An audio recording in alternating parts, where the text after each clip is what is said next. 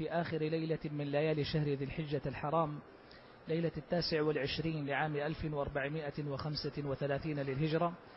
نستأنف الليلة بعون الله وتوفيقه دروس أصول الفقه التي كانت قد ابتدأت مع مطلع أو مع منتصف شهر محرم من العام المنتهي الحالي وكانت قد ابتدأت بجملة من اللقاءات اشتملت على مقدمات لعلم الأصول مهمة لطالبه مفيدة في تصور أطراف هذا العلم وأركانه ومحتواه. اشتملت تلك المقدمات على جملة من المعلومات التاريخية والعلمية ونشأة هذا العلم ومراحله والمصنفات فيه ومناهج الأصوليين التي تسلك بحث مسائله وخوض غماره.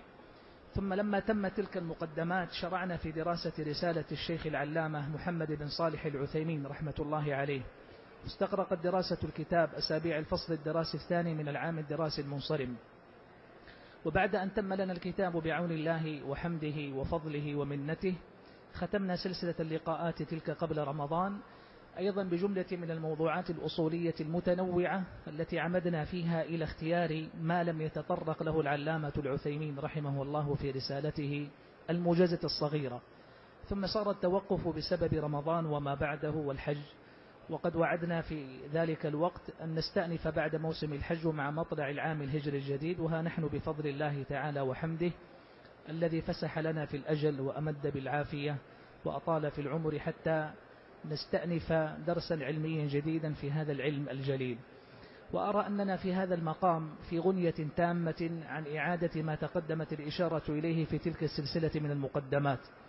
ومن رغب في شيء من تلك الموضوعات المتقدمة سواء في تصور طبيعة هذا العلم أو محتواه أو تاريخ نشأته أو مراحله التي مر بها أو المناهج العلمية التي حكمت مسالك الأصوليين ومصنفاتهم في دراسة ومباحثة مسائل هذا العلم فأرى أنه نستغني عن تكرار ذلك بالرجوع إلى ما تم تسجيله قبل والإفادة منه إن كان فيه شيء مفيد. وأما هذا المقام فنحن نستأنف فيه مرحلة أخرى وأرى أننا نتناول طورا بعد طور في دراسة هذا العلم ونحن نترقى في مدارسة مسائله. المقدمات تلك كانت بمثابة المداخل المهمة التي لا يستغني عنها دارس علم الأصول سواء كان مبتدئا أو متوسطا أو متقدما في دراسة هذا العلم. وغالبا ما يكون إحاطة طالب العلم ببوابات ومداخل وممهدات العلم تكون عونا كبيرا له على فهم مسائله وإدراك أبعاد المباحثة فيه لأن من يلج في العلم مباشرة في غفلة عما يتعلق بتصور العلم وأبعاده ومداخله ربما شاب دراسته كثير من الخلل أو شيء من الارتباك أو عدم تمييز بعض مواقع المسائل عن بعض. فهذه الدراسة الوصفية التاريخية أو العلمية في مجملها عن هذه المسائل المتعلقة بأي علم من العلوم ليست ندبا ولا فضلة ولا كمالا يدعى إليه طالب العلم وهو بصدد دراسة أي علم بل هي عتبة أساس ومدخل لا غنى عنه لطالب العلم في أي علم من العلوم. فتلك المقدمات التي بلغت فيما أظن عشرة لقاءات عشرة دروس هي متاحة ومحفوظة مسجلة العودة إليها نافعة والرجوع إليها لما نستغني عن تكراره أيضا مفيد في الجملة. ولأننا نرتقي طورا بعد طور فقد تناولت تلك المقدمات ما نحتاج إليه كما أسلفت ثم عمدنا إلى دراسة متن. كان الاختيار لمتن الشيخ العثيمين رحمه الله بحكم أنه مناسب تماما للمبتدئ في هذا العلم. يحيط بجملة وصول مسائل هذا العلم. مع قدر لا بأس به من ذكر المسائل. كانت الدراسة فيما تذكرون مطعمة كثيرا بالتطبيقات والنظر في الأدلة ومحاولة توظيف قواعد العلم التي درسناها من خلال النصوص الشرعية لمحاولة اختبار أسلوب الفهم ومداه. في مثل هذه المرحلة ينبغي أن يكون الطور التالي هو الانتقال إلى متن أكثر سعة وأكثر عمقا وأن يكون تحرير المسائل فيه على نحو أدق. هي المرحلة التي تسبق تماما دخول المطولات. الرجوع إلى متن متكامل محكم في هذا العلم بحيث يكسب دارسه الإحاطة الجيدة بمسائل العلم وليس الاكتفاء بالمسائل الكبار كما حصل في أصول الشيخ ابن عثيمين رحمه الله بل يتجاوز ذلك إلى إلى إلى ما يتفرع عن تلك المسائل وما يحتاج إليه الأصولي في الجملة. فالمسائل الكبار وأصول الأبواب بالإضافة إلى ثنايا المسائل وما تتضمنته نقاشات الأصوليين وما يوظفه الفقهاء في استدلالاتهم وترجيحاتهم هذه يحكمها عادة متن متكامل في علم من العلوم ونحن كذلك نفعل في علم الأصول. دراسة مثل هذا المتن في هذه المرحلة تجعل الدارس ملما بمباحث العلم عارفا ببناء بعض المسائل على بعض وعلاقتها أيضا وترابطها وتسلسلها ببعض. المتن المتكامل يجمع بين حسنيين الإحاطة بمسائل العلم وضبط ذلك بجملة من العبارات أو الألفاظ. فحفاظ المتون نظما كانت أو نثرا يفيدون أيما إفادة من خلال حفظ المتن عن طريق استظهار العبارات واستحضار الجمل التي تحوي حكاية الأقوال ونسبتها إلى أصحابها فيستغني بذلك عن الرجوع ومكاشفة الكتب وتصفح المراجع. كانت ولا زالت المتون بهذه المثابة منجما متدفقا ونبعا متتابعا يرجع إليه حفاظ المتون في أي علم من العلوم. حفظ المتن أو لم يحفظ يبقى ضبطه وإتقانه محصلا للفائدة الكبرى التي أشرت أنك لا تسترسل مع عبارات يطول شرحها ولا استدلالات تطول أيضا جملها ولا مناقشات ومداخلات يتيه بك آخرها عن أولها بقدر ما تضبط من المتن عبارة حتى لو غاب عنك حفظها لن يغيب عنك فهم مقصودها ودلالتها في الجملة. فهذا هو الذي جعل العلماء سلفا وخلفا يعولون على دراسة المتون والرجوع إليها واختيارها منهجا علميا لطلاب العلم في مختلف المراحل. تتفاوت المتون صغرا وكبرا وعمقا واكتفاء أيضا بأصول المسائل في كل علم من العلوم لما يناسب كل مرحلة من مراحل الطلب. وعليه فإن اختيار متن في مثل المرحلة التي نحن فيها يتحتم فيه أن يكون متنا يرتقي عن الاكتفاء بأصول المسائل التي ربما كانت تكتفي بأبواب محدودة ومسائل معدودة. ولذلك لن يكون الاختيار مثلا لمتن كالورقات على شهرته وعلى آه، سعة صيته وعمق انتشاره بين أيدي طلبة العلم ولا على نظمه للسبب ذاته أنه لا يزال في هذه المرحلة مقتصرا على جملة من المسائل بعيدا عن كثير من التي يحتاج إليها طلاب العلم. ولا ينفع أن يدرس طالب العلم متن الورقات بعد أن درس كتابا أكبر منه أو أوسع منه وأشمل بل عليه أن يرتقي ويتطور وينتقل إلى مرحلة أعلى وكتاب أكثر منه إفادة وأكثر احتواء للمسائل. آه، لقاء الليلة مدخل نتحدث فيه عما سنشرع فيه بدءا من الأسابيع المقبلة إن شاء الله. الكتاب سيكون اختياره في متن أصولي حنبلي. وسبب ذلك أننا نعمد كما قلت إلى ضبط أصول المذهب والعناية بمسائله والتبويب الذي يحيط بمسائل الأصوليين جملة ليتبين منها موقع مذهب أحمد رحمة الله عليه وعلى سائر أئمة الإسلام. وقبل الحديث عن الكتاب وما نحتاج إليه وما نتكلم عنه هذه مقدمة تنتظم نقاطا ثلاثة. أولها الحديث بإيجاز سريع مجمل عن أصول الفقه داخل المذهب الحنبلي ثم الحديث أيضا عن الكتب والمصنفات فيه ومواقعها وتعويل علماء المذهب عليها. وأخيرا عما نحتاج إلى الحديث عنه في المتن المختار إن شاء الله تعالى. أما النقطة الأولى المتعلقة بأصول الفقه لدى الحنابلة فإن ذلك يجمله تصور عام في من يعرف نشأة المذاهب الفقهية وموقع مذهب أحمد رحمة الله عليه منها فإنه آخرها تاريخيا. فإن أحمد رحمه الله رابع الأئمة الأربعة وآخرهم وفاة ومذهبه واقع في سلم الترتيب الرابع بين المذاهب الأربعة. ولتقدم فقه أبي حنيفة ومالك والشافعي رحمة الله على الجميع صار فقه أحمد رحمه الله له شيء من الوصف الذي يغاير أوصاف المذاهب الثلاثة.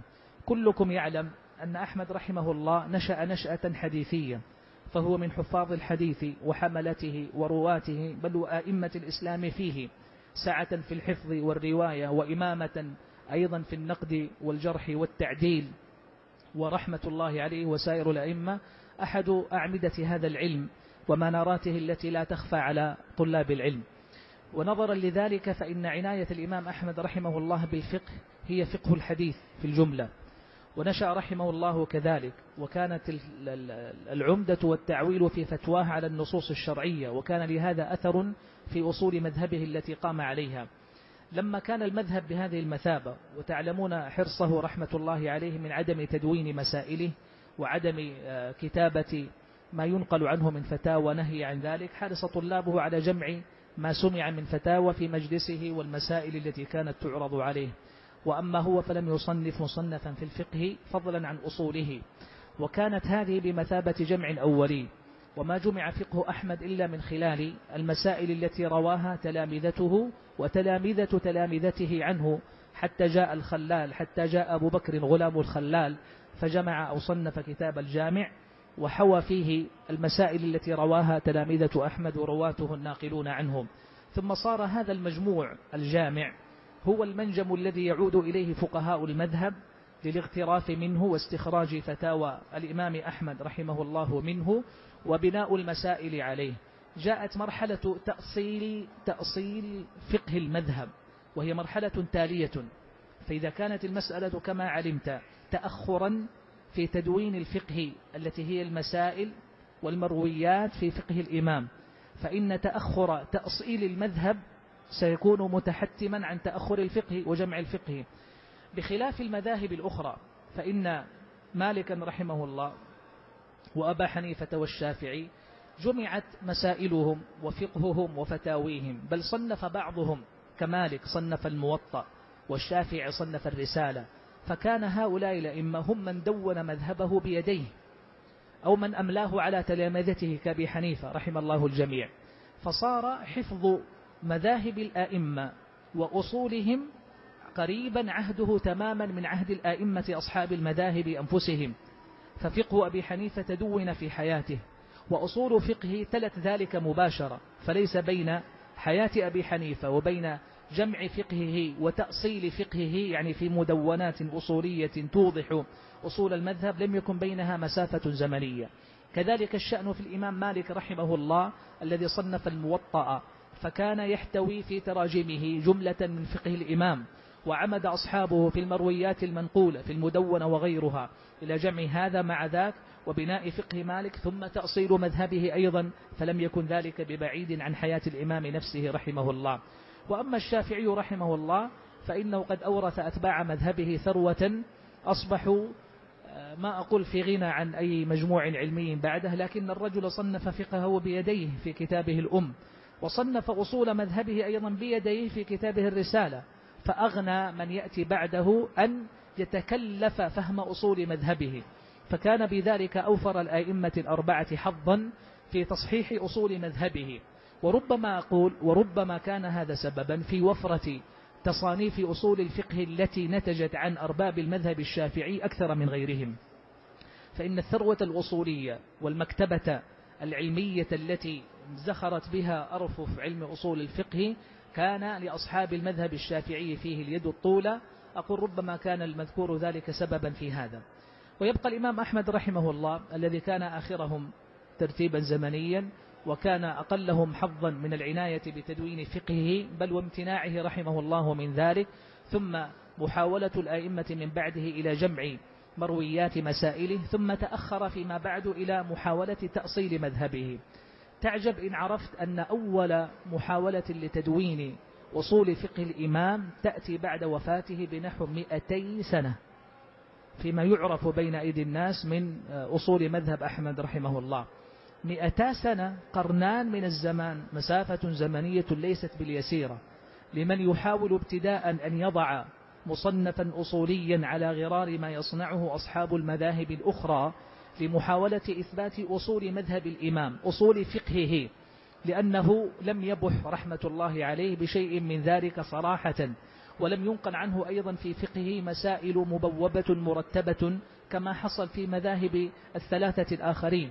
فأعوز ذلك إلى مدة من الزمن أن تجمع فيها المرويات والمسائل والفقه نفسه. ثم مسألة مرحلة زمنية أخرى أن يقرأ هذا الفقه وينثر ويغربل ثم تستخرج منه أصول الاستنباط وقواعد الاستدلال حتى يصاغ من ذلك آه، أصول يصح أن ينسب إلى أحمد رحمه الله تعالى. القاضي أبو يعلى الفراء الحنبلي رحمة الله عليه 456 وفاته. وكما قلت يعني أن تتكلم على ما حوالي 200 سنة بعد وفاة الإمام أحمد رحمه الله ليخرج كتاب العدة. القاضي أبو يعلى معدود في رأس طبقة المتوسطين في المذهب فأن تنقرض طبقة المتقدمين ولا يوجد في خلالها مجموع أصولي يصف أو يجمع أصول الإمام فقه الإمام أحمد رحمه الله فإن هذا ما أقول غياب مؤثر لكنها مرحلة تأخرت كثيرا في 456 القرن الخامس كانت مصنفات الأصول عند المالكية مثلا عند الشافعية عند الحنفية قد بلغت ذروتها وقد خلصت من جملة من المحاولات حتى أرسيت أركان علم الأصول. وأنت تلاحظ يعني في مقولة ابن خلدون وغيره أن أصول كتب أعمدة كتب الأصول عند الأصوليين الأربعة لما ذكر العمد القاضي عبد الجبار والمعتمد القاضي أبي الحسين البصري والبرهان لإمام الحرمين الجويني والمستصفى للغزالي فيعد أربعة كتب يعدها أركان علم الأصول. فلا تعجب إن وجدت أربعتهم شافعية لأنهم قد ظفروا بتوقيت مبكر في تدوين علم الأصول. فما كانوا يحتاجون إلى مئتي سنة حتى ينضج هذا العلم تماما ويقوى على أيديهم تحريرا وتبويبا وإرساء شامخا لهذا العلم الكبير. بخلاف ما حصل فأن تأتي إلى مرحلة من الزمن يعني الغزالي 505 الإمام الحرمين 487 هذا المرحلة التي وصل فيها أصول أصولي الشافعية إلى مرحلة اكتمال البناء كانت هي بداية التصنيف عند الحنابلة في علم الأصول بخروج كتاب العدة للقاضي أبي يعلى. آه، هذا التأخر ربما كان سببا في تفسير غياب غياب إيراد المذهب الحنبلي في مناقشة الأصوليين في اختلاف المذاهب. وهو تفسير منطقي مقبول جدا. يعني يعجب بعض الناس يقول أجد في المستصفى أو في البرهان أو أجد عند القاضي عبد الجبار أو عند أبي الحسين البصري أجد مناقشة للمذاهب ومحاجة واختلافا ومرويات وترجيحات. يقول أجد في ذلك قدرا كبيرا من إراد المذاهب فيورد مذهب مالك ويورد مذهب الشافعي ولا ذكر لمذهب أحمد. عدم إراد مذهب أحمد مفهوم تماما منطقيا لتأخر تدوين علم أصول الفقه عند مذهب الإمام أحمد رحمه الله. فكيف تنتظر أن يورد إمام الحرمين أو أبو الحسين أو القاضي عبد الجبار؟ أن يورد أحدهم نسبة لأصول مذهب أحمد رحمه الله موافقا أو مخالفا. ليثبت مذهبه أو يناقشه أو يخالفه. إذا كانت ما خرجت المصنفات الأصولية إلا في القرن الخامس الهجري. على كل أنا أريد فقط أن تتصور الآن نشأة هذا العلم. ما قبل القاضي أبي يعلى ليس إلا محاولات صغيرة ورسائل لا ترقى إلى تدوين أصولي. وعلى صغر حجمها فإنهم يعدون رسالة صفة الفتوى والمستفتي. لابن حامد شيخ القاضي أبي يعلى وهو خاتمة طبقة المتقدمين يعدونها أول محاولة على الأقل أيضا فيما بين أيدي الناس. أول محاولة حاول فيها أئمة المذهب الحنبلي إظهار وإبراز وانتزاع أصول مذهب إمامهم من خلال فتاويه. وهي رسالة صغيرة جدا وقد اقتصرت على جانب الفتوى وأصول مذهب أحمد رحمه الله في الجملة ومحاولة تفسير جملة من ألفاظه عندما يستعملها في الإفتاء. نحو لا يعجبني وأكره كذا ولا أرى به بأسا ونحو هذه من العبارات. فجاء كتاب العدة محاولة أولى. ما بعد العدة وأنا الآن في صدد الحديث عن العلم الأصول داخل المذهب الحنبلي وسآتي للنقطة الثانية في المصنفات فيه. ما بعد القاضي بيعلى نشطت حركة التأليف وتتابع أصولي الحنابلة كسائر الأصوليين من سائر المذاهب في متابعة التأليف والتدوين والجمع في أصول المذهب. آه، انتقلت هنا مرحلة إلى الكتب الكبار. ثم دخل المذهب الحنبلي في الطريق كما يقال مع باقي المذاهب وإيراد الأقوال والمناقشة. تقدم لكن كانت مرحلة قد فرغ فيها الأصوليون من من تصنيف وتحرير الكتب المعتمدة في الفن في الأصول ولم يكن بينها إيراد ذكر الحنابلة. فلما يأتي المتأخرون ويناقش تجد ذكر الحنابلة وموقفهم الأصولي عند المتأخرين ممن حاول أن يصنف على طريقة جمع المذاهب أصول الفقه المقارن. الكتب التي جمعت أصول المذاهب المختلفة وأوردتها على طريقة الخلاف ومناقشته وترجيح الراجح منها. ثم استمرت هكذا حتى جاء آه، ابن قدامة رحمه الله في روضة الناظر واختصر المستصفى أو هذبه أو سار على منواله أو قل ما شئت كما سيأتي وصفه بعد قليل. ثم جاءت المختصرات. يبقى جملة مصنفات الأصوليين الحنابلة أقل بكثير مما هي عند الشافعية مثلا. وهذا وجه ذكرت به سبب ذلك وعلاقته في الجملة. آه، سأنتقل إلى نقطة ليست بأقل من سابقتها في تفسير هذا الوضع الأصولي عند الحنابلة غير مسألة تأخر التصنيف وتأخر ابتداء محاولة جمع الأصول عند الحنابلة. ألا وهي مسألة الاقتراب الشديد بين فقه الحنابلة وفقه الشافعية. وأعني بالاقتراب الشديد الموافقة الكثيرة في كثير من المواضع أصولا وفروعا. فجعل ذلك المذهب الحنبلي قريبا إلى حد كبير من المذهب الشافعي. وحتى إن لم تقل قريبا أو مشابها لكن إن لم تكن العبارة دقيقة فأدق منها أن تقول إن أقرب المذاهب الثلاثة إلى مذهب أحمد هو مذهب الشافعي. والعبارة هذه لن يخالف فيها أحد. يعني ليس اقتراب مذهب أحمد في أصوله وفروعه. ليس هو في اقترابه من مذهب الشافعي ليس هو أبدا بأكثر مما هو في الحنفية أو في المالكية. هو أقرب بكثير. واختلاف ما بينه وبين الحنفية واختلاف ما بينه وبين المالكية أوضح وأجلى بكثير مما بين الشافعي وأحمد. ربما كان من أسباب ذلك تلمذة الإمام أحمد على يد الشافعي رحمة الله عليهما. فإن الإمام أحمد التقى به إبان قدوم الشافعي رحمه الله بغداد والتقى به. بل وأفاد منه وتتلمذ على يديه. لم يكن أحمد رحمه الله آنذاك صغير السن بل كان كبيرا علما إماما محدثا. لكن ورود الشافعي الأول إلى بغداد والتقاؤه هناك بأهل العلم وصحبة أحمد رحمه الله له أفادت علما كثيرا. نقلت عبارات عن أحمد رحمه الله تفيد الأثر العظيم الذي أثر به الشافعي على أحمد رحمة الله على الجميع. مثل عبارته لما سأله ابنه عبد الله قال يا أبت أراك تدعو كثيرا في سجودك للإمام الشافعي. فأجاب رحمه الله بما يبين عظيم حق الشافعي عليه. فكان من جملة قوله قال يا بني إن الشافعي رحمه الله كالعافية للبدن وكالشمس للدنيا. فهل لهذين من عوض؟ يعني لا يستغني بدن الإنسان عن عافية يقوى بها ولا تستغني الدنيا عن شمس تضيئها. فيقول هو هكذا الشافعي بالنسبة إليه رحمه الله كان كالشمس للدنيا وكالعافية للبدن فكان هذا سببا حمله على حفظ حقه وذكر جميل أثره العلمي عليه وهذا ثابت ومقرر تماما في تاريخ الأئمة الأربعة.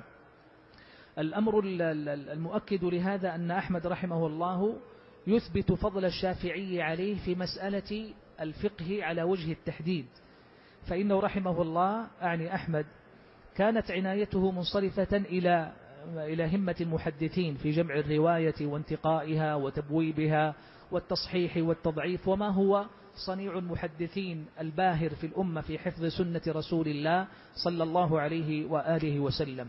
فكان أحمد رحمه الله في الجملة مشتغلا بهذا الطريق مع عناية بالفقه مع تصديه للإفتاء رحمه الله مع مجافاته عن ذلك لكنه كان يقصد بالفتوى فكان يستفتى فيفتي رحمه الله مع التحفظ الشديد ومع منع نقل ذلك أو كتابته أو حفظه عنه أو إثبات ذلك مكتوبا عنه. لكن في الجملة كان له مشاركة فقهية وكان له أيضا عناية بالفقه إلا أنه مع ذلك يثبت رحمه الله أن صلته بالإمام الشافعي كانت ذات أثر عظيم في طريقة الفهم والاستنباط ولا عجب فالشافعي إمام.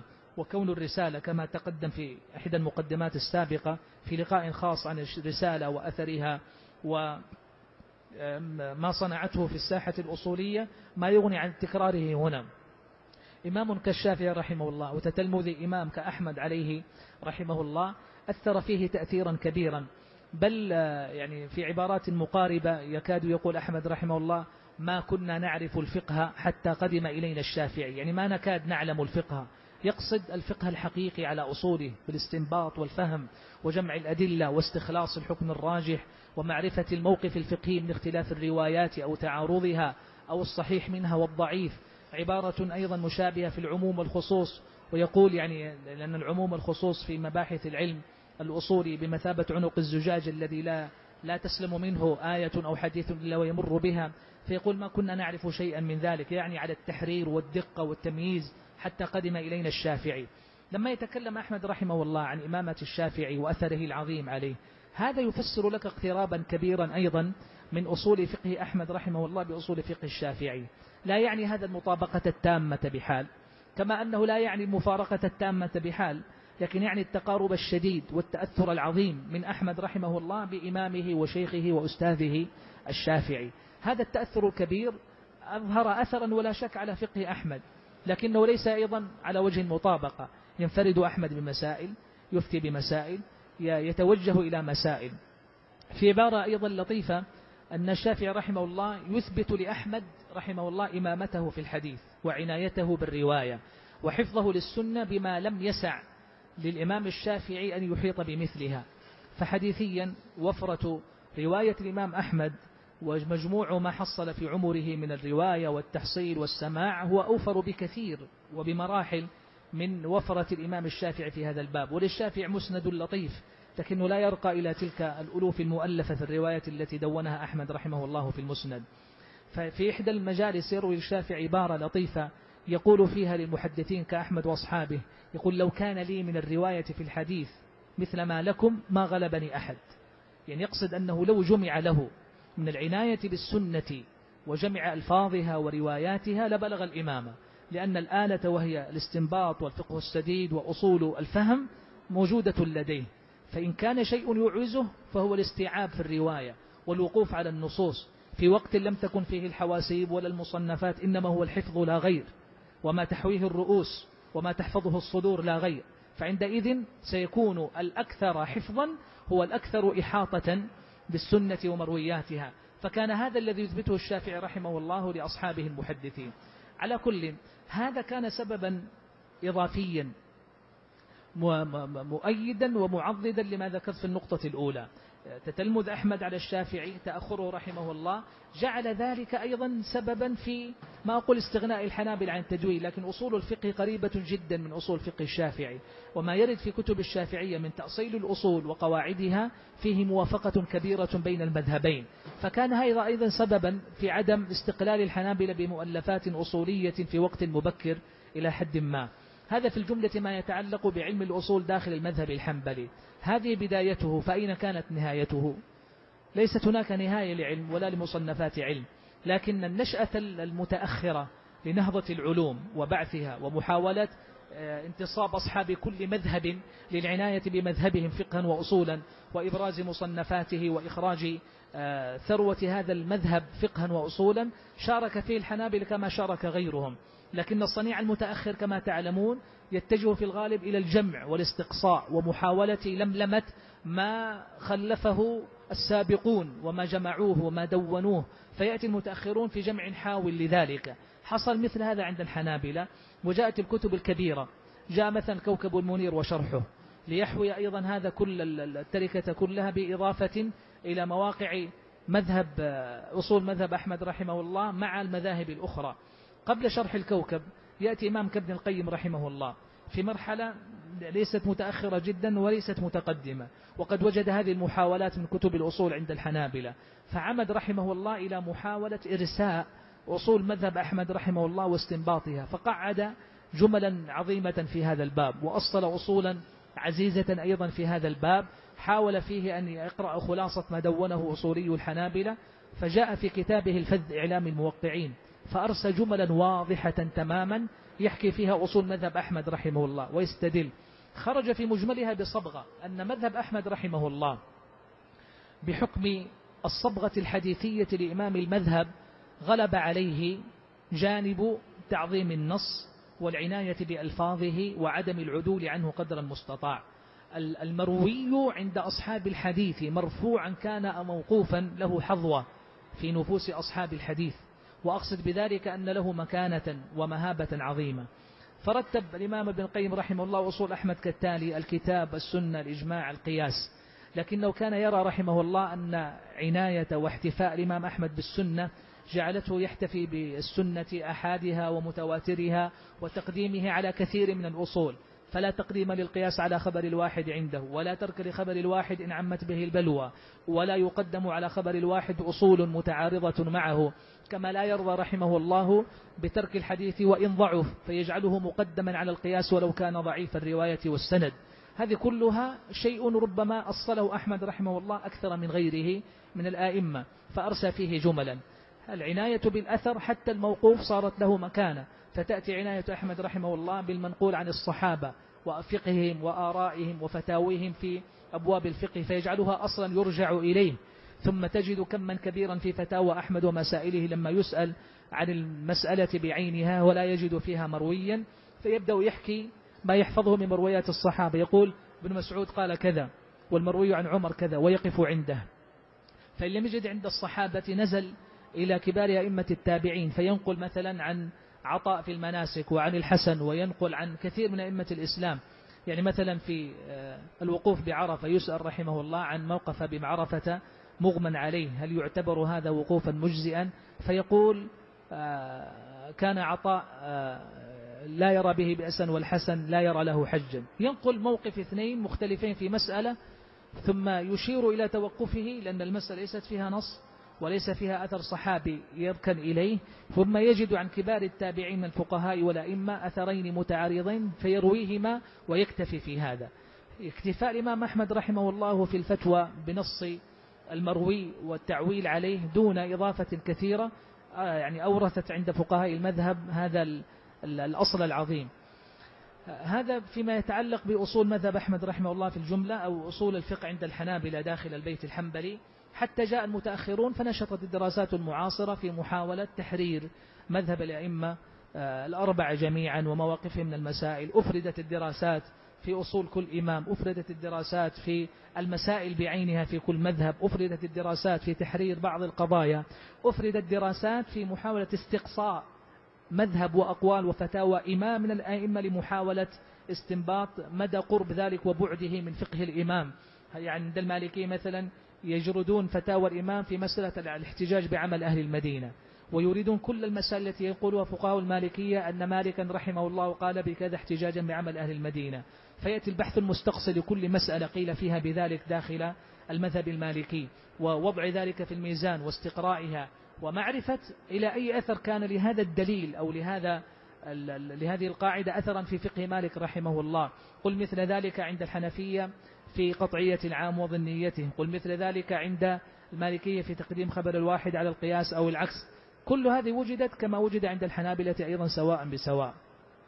في أحد الدراسات المتأخرة المعاصرة أصول فقه أو أصول مذهب الإمام أحمد رحمه الله.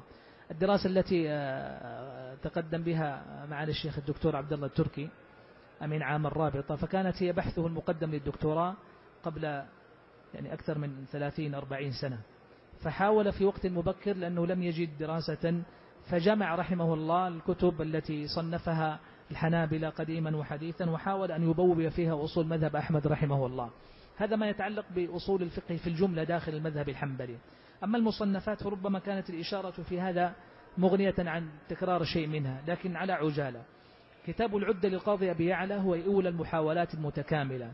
ورسالة شيخه ابن حامد أبي عبد الله الحسن بن حامد لم تكن متكاملة وليست رسالة أصولية لكنها في تفسير عبارات أحمد رحمه الله التي يفهم منها موقفه ومذهبه في الفتاوى. فجاءت محاولة القاضي أبي يعلى في كتابه العدة وتميزت بعدة مزايا أولها السبق والمبادرة التي لم يسبقها كتاب أصولي كبير وثانيها الجمع الغزير لمرويات أحمد رحمه الله داخل الكتاب. وثالثها حرصه الشديد رحمه الله أعني القاضي أبا يعلى أنه لا يريد أن يبين عن مذهبه هو وترجيحه هو أراد أن يثبت مذهب أحمد فيبوب التبويب الأصولي المعتاد يأتي في دلالات الألفاظ أو في الأدلة فإذا ما جاء عنوا بمسألة الذي يهمه بالدرجة الأولى أن يظفر بمسألة وفتوى عن الإمام أحمد تبين موقفه من هذه القاعدة فيصوغ الرواية. مباشر. ولذلك الكتاب أحد مظان الروايات عن أحمد. فيورد الرواية ويستخرج منها ما يفهم منها هو. أن أحمد رحمه الله يقول مثلا بتقديم العام على الخاص. أو يقول بأن الأمر المطلق يدل على الوجوب أو يرى أن الأمر بعد النهي يقتضي الإباحة. هو هكذا. وعمدته في ذلك المرويات. ثم هو يشركك يضع الرواية أمامك ويقول انظر كيف أجاب وقال كذا إذا مذهبه كذا وهذا يدل على كذا. قد توافقه وقد تخالفه وقد يبدو لك أنت شخصيا فهم من الرواية غير ما أثبته هو. لكن هذا الصنيع وحده كان الحقيقة آه، كان إضافة علمية كبيرة في ساحة الأصول داخل المذهب الحنبلي. هي محاولة مبكرة وجمع ولهذا أصبح الكتاب يعني ذا أثر ووزن كبير جدا عند الأصوليين الحنابلة. وكانوا ولا يزالوا يرجعون إليه فهو يمثل ثروة الإمام وفقه الإمام ويؤصل لمذهبه يأتي بروايته ويستخرج منها ما يدل على أنه إنما أفتى بكذا لأنه يرى أن القاعدة كذا ويحاول أن يسوق لك ذلك ويبين فهمه. ربما شفع ذلك رحمه الله بشيء من الأقوال الأخرى وحاول أن يورد ذلك. كل من جاء بعد القاضي أبو يعلى بعد القاضي أبي يعلى كان عالة عليه فيورد نقلا عنه ويورد الرواية التي أوردها ويحاول تحرير مذهب الإمام رحمه الله. قد يوافق وقد يخالف لكن صار شغل الشاغلين فيما بعد عند الحنابلة هو كتاب العدة للقاضي أبي يعلى. لما استفتح القاضي أبو يعلى هذا الباب بكتابه العدة جاءت المحاولات بعده متتابعة. نشط اثنان من تلامذته وهما القاضي أبو الخطاب الكلوذاني في كتابه التمهيد في أصول الفقه. وتلميذه الآخر أبو الوفاء بن عقيل في كتابه الواضح في أصول الفقه. التمهيد والواضح كونهما الاثنين من تلامذة القاضي أبي يعلى فإنها تعني أيضا محاولة لفتح هذا الباب. العجيب أن ليس شيئا من التمهيد ولا الواضح له أثر لا في التبويب ولا في النتائج ولا في الاستقراء عما صنعه شيخهما القاضي أبو يعلى. فمن يقرأ التمهيد كأنك تقرأ لجيل مختلف تماما مختلف في التبويب مختلف في الترتيب مختلف في إراد المسائل لا يظهر فيه الأثر الواضح لشيخه إلا في إيراد الروايات التي أوردها عن الإمام في العدة فيريدها القاضي أبو الخطاب في التمهيد. كذلك يصنع أبو الوفاء بن عقيل في الواضح في أصول الفقه. تبويبه مختلف وترتيبه مختلف وتناثرت فيه مسائل علم الأصول وليس هناك التبويب الذي يجمع كل مسائل الأمر في جهة وكل مسائل النسخ في جهة وكل مسائل القياس في جهة بل هي متناثرة وعليك أن تبحث ولذلك لا يستغني المتصفح لكتاب الواضح عن العودة إلى الفهارس ليعرف موقع المسألة التي يريد بحثها. التمهيد والواضح أصبحت إضافات علمية وبالتالي في جيل واحد على الأقل بين القاضي أبي يعلى وتلامذته كالقاضي أبو الخطاب والقاضي أبو الوفاء بن عقيل في جيل واحد تأتي هذه الثلاثة الكتب الكبار. لما أقول كبار يعني حتى في حجمها. التمهيد مطبوع في أربعة أجزاء العدة مطبوع في خمسة أجزاء الواضح مطبوع في أربعة أجزاء فهي ضخمة من حيث الحجم وضخمة أيضا من حيث المحتوى وضخمة أيضا من حيث إمامة هؤلاء فهم أئمة المذهب في أزمانهم. القاضي أبو يعلى ليس شيخ الحنابلة في زمنه بل شيخ الطبقة وإمام المتوسطين عند الحنابلة وتوليه القضاء وتوريثه العلم للأسرة أبي يعلى أو أسرة الفراء كانت هي أيضا محل عناية فكان هذا محاولة مبكرة جدا. هذه الثلاثة الكتب المتتابعة بدءا بالقاضي أبي يعلى وانتهاء بأبي الوفاء بن عقيل رحمة الله على الجميع جعلت محاولات الأصول في تبويب وترتيب وتعيين مذهب الحنابلة أصبحت بابا مفتوحا فتتابعت المصنفات. وثمة كتب كثيرة بين متوسط وصغير وبين متن وبين شرح جاءت متتابعة في هذه المرحلة. آه، كان من أبرز المحاولات التي حظيت أيضا بعناية أهل العلم صنعة الإمام بن قدامة رحمه الله أبي محمد عبد الله بن أحمد بن قدامة صاحب المغني المشهور وصاحب عمدة الفقه وصاحب الكافي وصاحب المقنع. الإمام الذي يعتبر مجدد الفقه عند الحنابلة في تلك المرحلة. ابن قدامة جمع له الإمامة في العلم الإمامة في الديانة والصلاح والتقوى. الانتساب إلى أسرة عريقة بالعلم مشهورة عند الحنابلة بيت المقادسة وعنايتهم بالعلم آه، إخوته وأبناء إخوته أخواله أصحاب فقه وأصحاب قضاء في المذهب الحنبلي وأصحاب عناية كبيرة. آه، من أراد أن يعرف بابن قدامة يكفيه أن ينسبه لكتاب المغني حتى يعرف وزن الإمام رحمه الله. ليس في المذهب بل بين فقهاء الإسلام قاطبة. فلما يأتي إمام جبل وعلم كابن قدامة ويكون له كتاب أصولي كان له وزن كبير عند الحنابلة ولا شك. كتابه المشهور روضة الناظر وجنة المناظر. كان هو محاولة أيضا وكتابا وعملا علميا جليلا في هذه المرحلة. روضة الناظر لابن قدامة بناه على كتاب المستصفى للغزالي. وأقصد بالبناء عليه النقاط التالية. أولا أنه تبعه في التبويب والترتيب. والغزالي رحمه الله له آه، منهج خاص وله طريقة في ترتيب مسائل العلم عرف بها وتميز واشتهر بها رحمه الله. فجاء ابن قدامة فسلك مسلك الغزالي في التبويب. إلى الحد الذي عوتب فيه ابن قدامة رحمه الله لما تبع الغزالي حتى في إيراد المقدمة المنطقية قبل مسائل علم الأصول فإن الغزالي أول من صنع هذا بين أهل الأصول قاطبة. ولا يعرف قبل الغزالي كتاب في الأصول جعل المقدمة المنطقية جزءا من الكتاب. لكن الغزالي صنع هذا وأورده. فجاء ابن قدامة رحمه الله فتابعه عليه. فكان هذا أقصد من شدة موافقة ابن قدامة للغزالي ومتابعته في الترتيب أنه أورد حتى المقدمة التي ما صنعها أحد قبل الغزالي وحتى زمن بعيد بعده أيضا لم يتابعه عليه أحد. فكان هذا أيضا مثارا لشدة العلاقة بين المستصفى وبين روضة الناظر بن قدامة.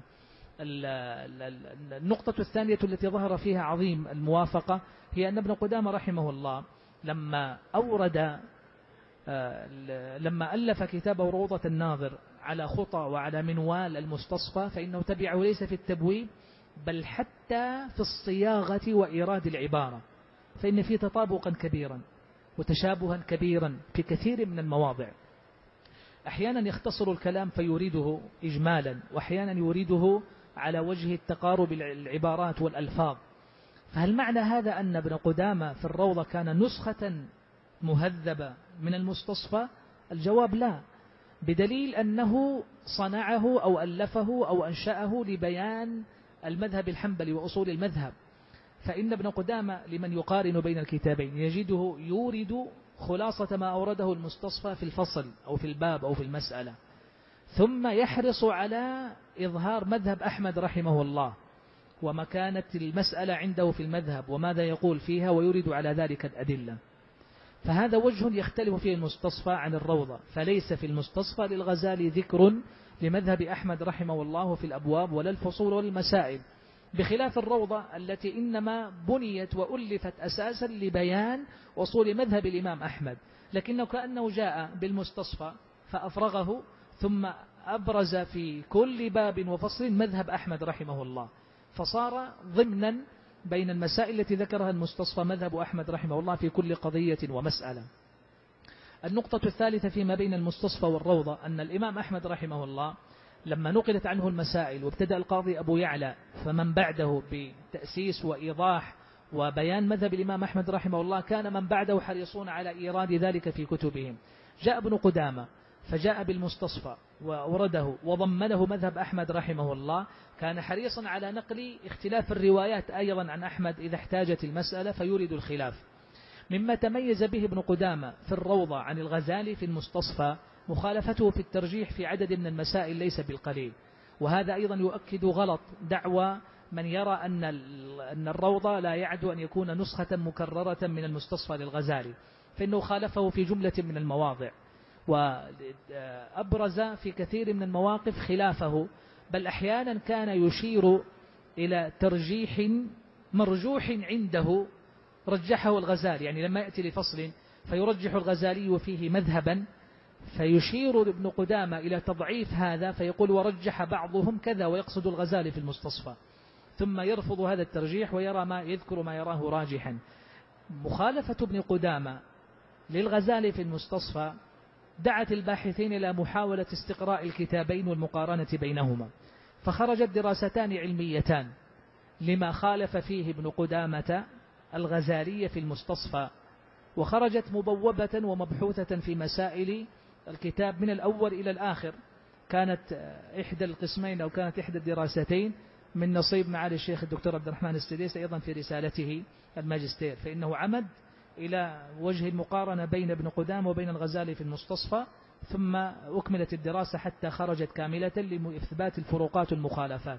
كانت لإثبات أن روضة الناظر ليس نسخة من المستصفى وإن كان متأثرا به تأثرا كبيرا في التبويب في العبارات في إيراد الأدلة ربما أيضا في الاقتصار على ما يريده.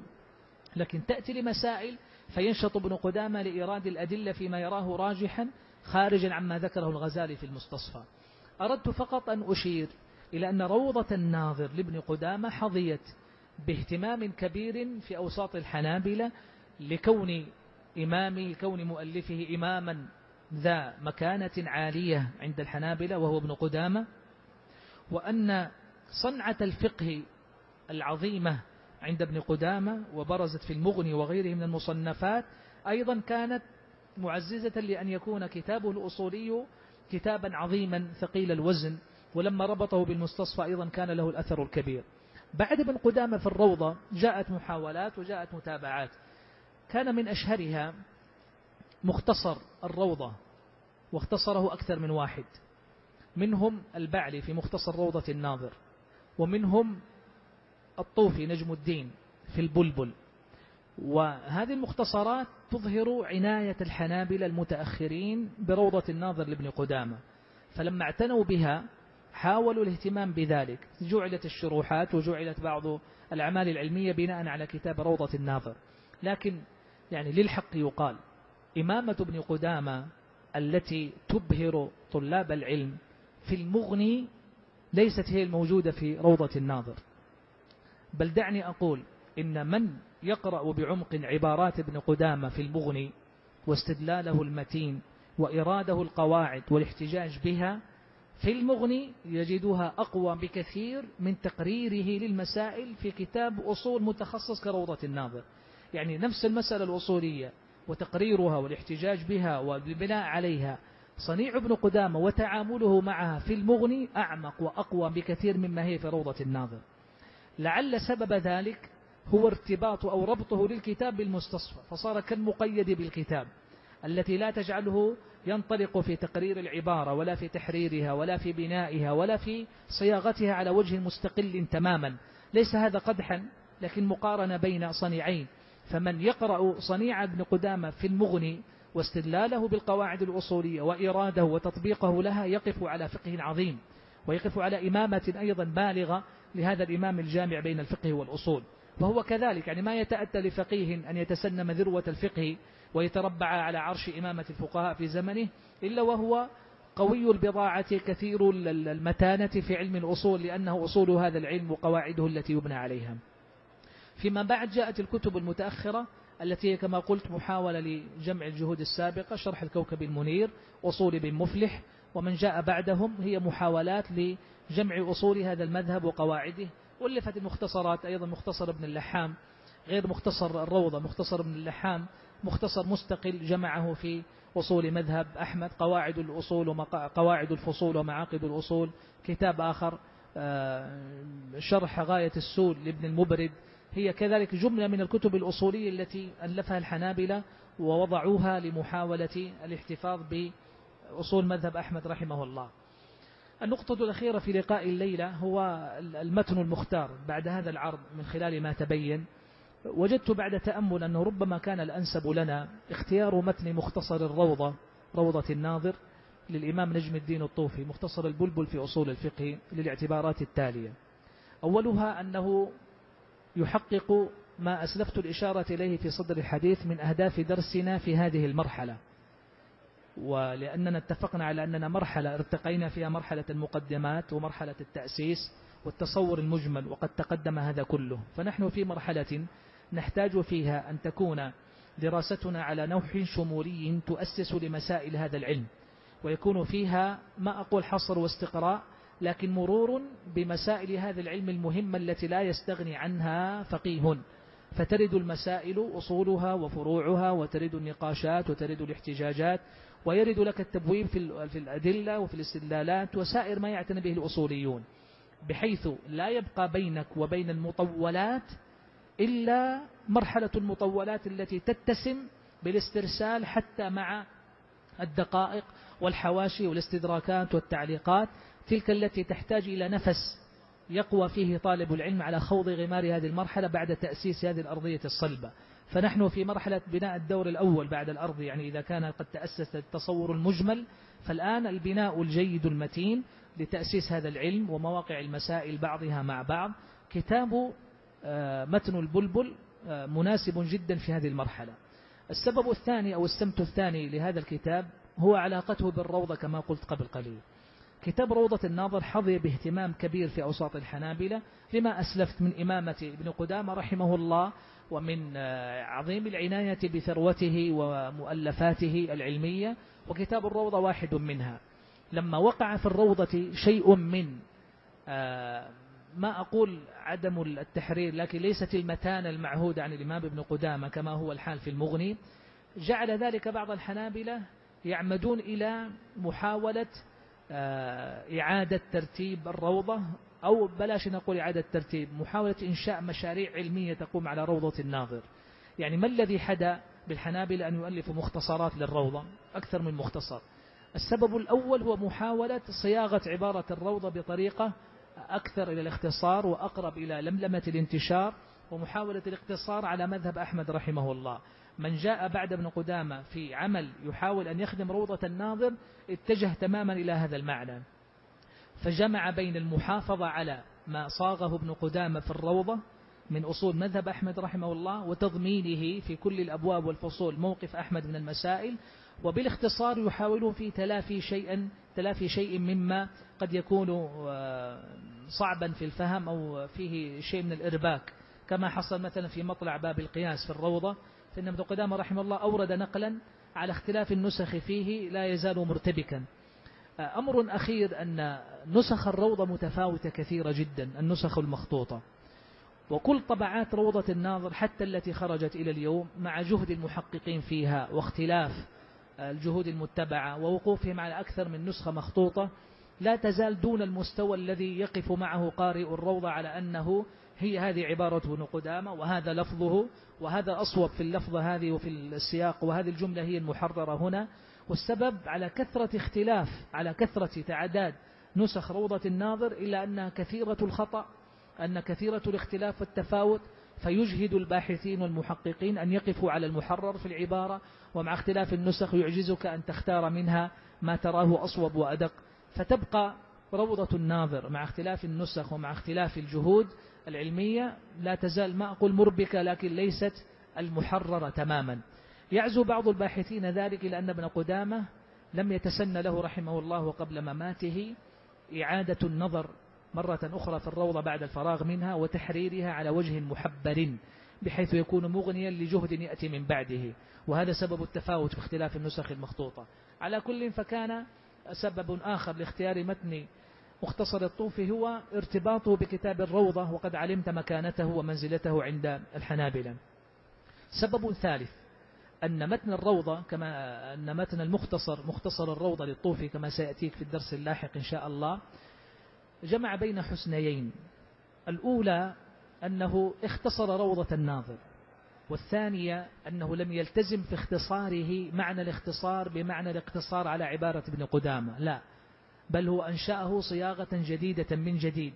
فالعبارة عبارة الطوفي لا عبارة ابن قدامة وطريقته واستدلاله حافظ فيه على ما أورده ابن قدامة في الكتاب.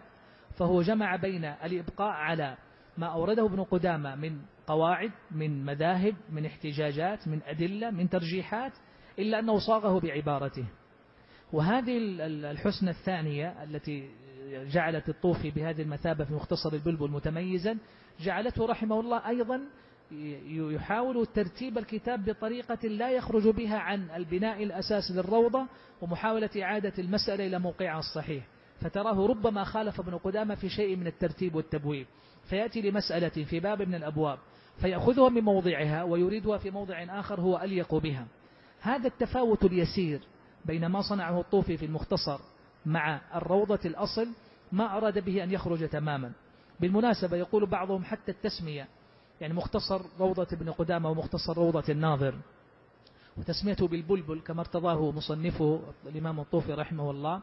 أيضا له علاقة فبلبل وروضة روضة يعني بستان وحدائق غناء. فأتى ببلبل من هذه الروضة فأراد أن يشير قالوا إن صح هذا التفسير أن أن يشير إلى أن أن اختصاره منقح لطيف كما هو تغريد البلبل الأنيق المشنف للآذان فهو لا يخرج عن سياق الكتاب ولا عن نمطه بل فيه تحسين وفيه لطافة وفيه شيء من التحبير الذي يجعل المتن أفضل وأجمل. أخيرا من المزايا التي جعلت اختيار متن الروضة متن مختصر الروضة للطوفي هو أن متن مختصر الروضة للطوفي الحقيقة يعد من أفضل كتب الأصول تحريرا للعبارة. وهذه ميزة مهمة للغاية. مختصر الروضة للطوفي ليس عند الحناملة فقط بل بين مختصرات الأصول يعتبر من أجودها وأمتنها لأنه جمع بين تحرير العبارة يعني ليست هناك عبارات عائمة وليست هناك ألفاظ تحتاج إلى إصلاح واستدراك وليس شيء يستدرك عليه إلا كتاب الله ولكن الكتاب محكم فالعبارات الأصولية للطوفي في المختصر قوية متينة محكمة. بحيث أن حتى التعريفات والتحريرات التي يريدها والاستدراكات متينة للغاية. بالإضافة إلى ذلك فإنه رحمة الله عليه يعني عمد إلى تبويب المسائل وتنقيحها واختيارها ثم اختيار الأنسب والأليق حتى التعريفات التي يريد ابن قدامة في الروضة يعدل عليها الطوفي إلى ما هو أجود وما هو أقل اعتراضا وما هو أسلم. وحتى الأدلة يختار ما هو أقوى وربما أضاف شيئا. فالحقيقة هو مختصر لكنه محكم. فأحد مزايا مختصر الروضة إحكام العبارة ودقتها ومتانتها. هذه الدقة والمتانة والإحكام لم تصل إلى حد إغلاق العبارات كما هو سمت كثير من مختصرات الأصول. يعني مختصر كمختصر ابن الحاجب على الرغم من يعني انتشاره وصيته وكثرة وقوعه فإذا الطلبة سلفا وخلفا إلا أنه كتاب ألغاز مختصر. يعني من يقرأ العبارة هو لغز عليك أن تفكه وعليك أن تفهمه ولا بد أن تفتح شرحا. يعني بالكاد بالكاد أن تفهم عبارة فهما مستقلا من غير الرجوع إلى شرح. هذا الاختصار الذي يبلغ حد الإيجاز ما وقع أبدا في مختصر روضة الطوفي. لكنه عبارة مفهومة إلا أنها قوية البناء محكمة. يحاول جاهدا أن تكون مستوعبة مؤدية للمعنى غير مستطردة لما يتطرق إليه الخلل وإن كان فيه مناقشات ولا يخلو كتاب كما قلت. إمامة الطوفي هو الذي سيأتي الحديث عنه في الأسبوع القادم إن شاء الله. جعلت الكتاب أيضا محل اعتناء. وللحق يقال إن إماما كالطوفي يعتبر في المتأخرين يعني الطوفي وفاته 716 في المتأخرين تتكلم على عالم من علماء القرن الثامن الهجري وعلم الأصول قد استوى على سوقه وبلغ نضجه منذ القرن الخامس وأواخر الرابع. فيأتي واحد بعد أربعة قرون. عامة الأصوليين من جاء بعد القرن السادس يعني بعد المحصول للرازي وبعد إحكام الآمدي كما مضى هذا في المقدمات السابقة عامة من جاء بعدهم يدور في فلكهم. ولذلك أصبحت مسالك الأصول بعدهم في الغالب تتجه اتجاهين إما فلك المحصول للرازي أو فلك إحكام الآمدي. فجاء مختصر ابن الحاجب وكل الجهود العلمية وهي في فلك إحكام الآمدي. وجاء مختصر البيضاوي وشروحه المتتابعة وهي في فلك محصول الرازي فصارت الجهود العلمية الأصولية كلها تدور حول هذين المسارين.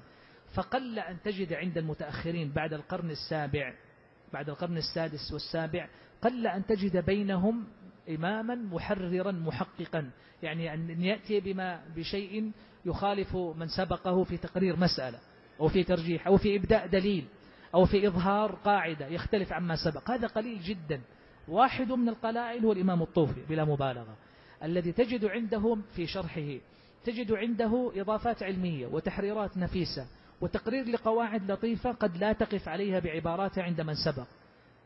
سمه إن شئت فتحا إلهيا وسمه توفيقا وسمها إمامة ومتانة في العلم هذا وارد. واحد من هؤلاء القلائل عند المالكية مثلا الإمام القرافي رحمه الله. هذا من القلائل الذين جاءوا في تلك المرحلة ممن عنوا ففتح الله عليهم في تقرير قواعد وتحرير مسائل وإظهار استدلالات عز نظيرها في من سبق. واحد من هؤلاء القلائل عند الحنفية مثلا الكمال بن الهمام صاحب التحرير. واحد من هؤلاء القلائل آه، داش الدين السبكي ووالده تقي الدين. هؤلاء القلائل الذين جاءوا الحقيقة أئمة أئمة مبرزين في الفقه والأصول وصنعتهم تدل على استقلال في الفهم واستنباط جيد وجودة أذهان ولم يكونوا أسرى لكتب أو مصنفات أو مؤلفات. نعم في الأمة كثير من العلماء البحار وكثير من الأفذاذ لكن غاب هذا العمق العلمي لما أصبحوا أسرى لمتون وصار يشتغل في فلك كتاب. فصار مقيدا بعبارته مقيدا بطريقته مقيدا باستدلاله. فإن خرج خرج ليبدي شيئا من الذي لا يخرج في الجملة عن هذا السياق بخلاف الأئمة التي ذكرتهم قبل قليل. واحدة من مزايا اختصار متن مختصر الروضة للطوفي أن الطوفي نفسه شرحه. وصاحب الكتاب صاحب البيت كما يقولون أدرى بما فيه. ودائما شراح المتون على تفاوتهم فأولى الشروح بالإفادة من المتن هو شرح صاحب المتن نفسه. فإن الطوفي رحمه الله مع اختصاره الجميل الجيد المتقن للروضة فإنه شرح مختصره وهو المطبوع في ثلاثة أجزاء. شرح مختصر الروضة للطوفي أصبح ثروة علمية وأصبح كتابا جميلا ومعتبرا به ومعدودا في الكتب المهمة في ميدان علم الأصول عند الحنابلة. مطبوع متداول. من جاء بعد الطوفي حقيقة أفاد كثيرا. أصول ابن مفلح تحرير ابن الهمام آه، شرح الكوكب المنير لابن النجار كل هؤلاء أصبحوا يعودون إلى شرح مختصر الطوفي ويحاولون الأخذ منه والإفادة عنه والإشارة إلى ما يرجحه وما يقرره. فصار فعلا أقول منعطفا مهما في تاريخ أصول الحنابلة. شرح مختصر الروضة للإمام الطوفي نجم الدين سليمان بن عبد القوي رحمه الله. هذا الكتاب الذي صنعه الطوفي وألفه صار مرجعا مهما. فقل لهذا السبب ولغير من الأسباب صار اختيار متن كتاب مختصر روضة ابن قدامة للطوفي أحد الاختيارات التي قامت الأسباب التي قام عليها هذا الاختيار.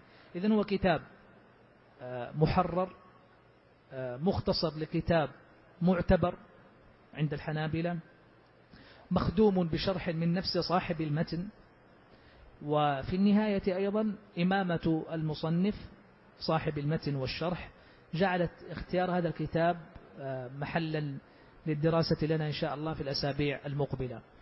قبل أن نختم هذه النقطة علي أن أقول إن كتاب روضة الناظر بالأعمال العلمية المتتابعة عليه كلها تكون خادمة لمن يريد أن يشتغل على مختصر الروضة للطوفي يعني شخص قرر أن يدرس متن البلبل.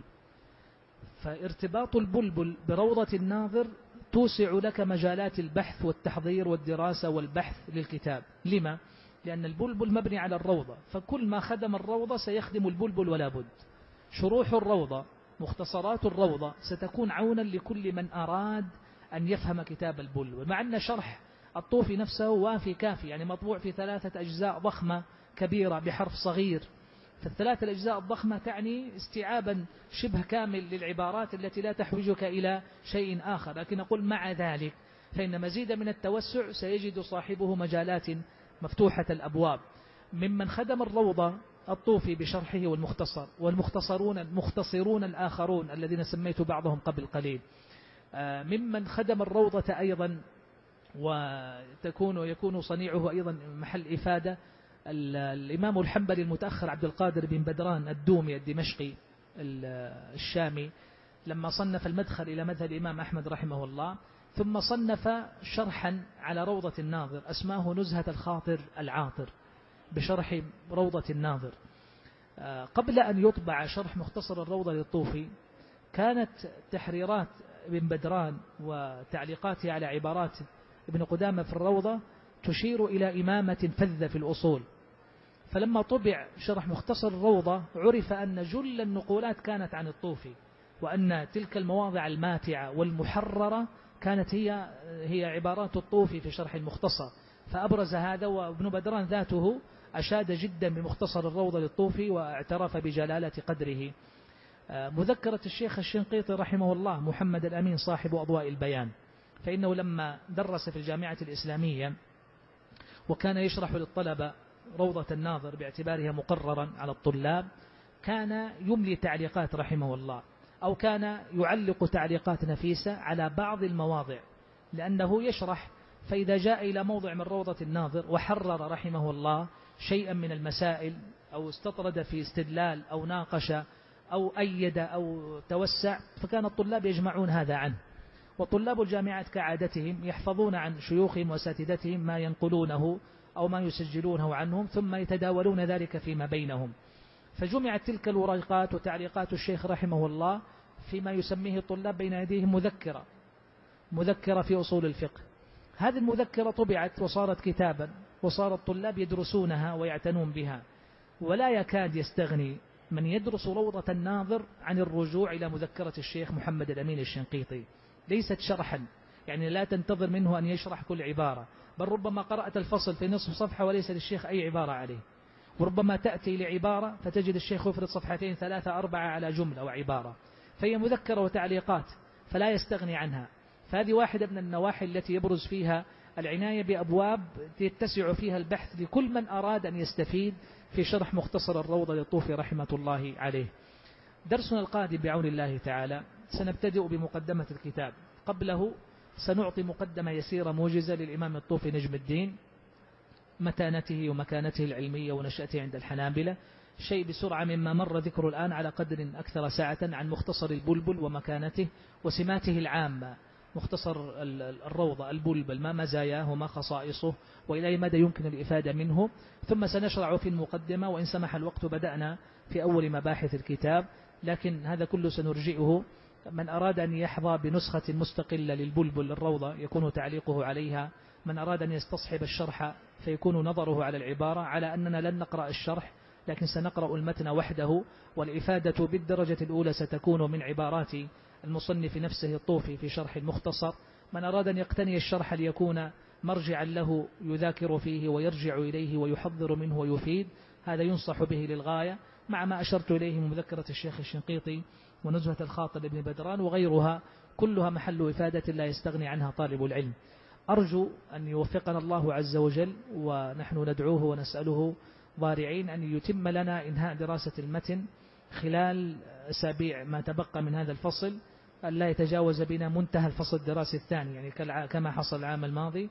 أن لا يحوجنا هذا إلى أن ندخل عاما جديدا آخر بل ننتهي في أثناء أو مع أو في أواخر الفصل الدراسي الثاني بحيث يكمل الله عز وجل لنا دراسة متن متكامل مستقل في عام دراسي.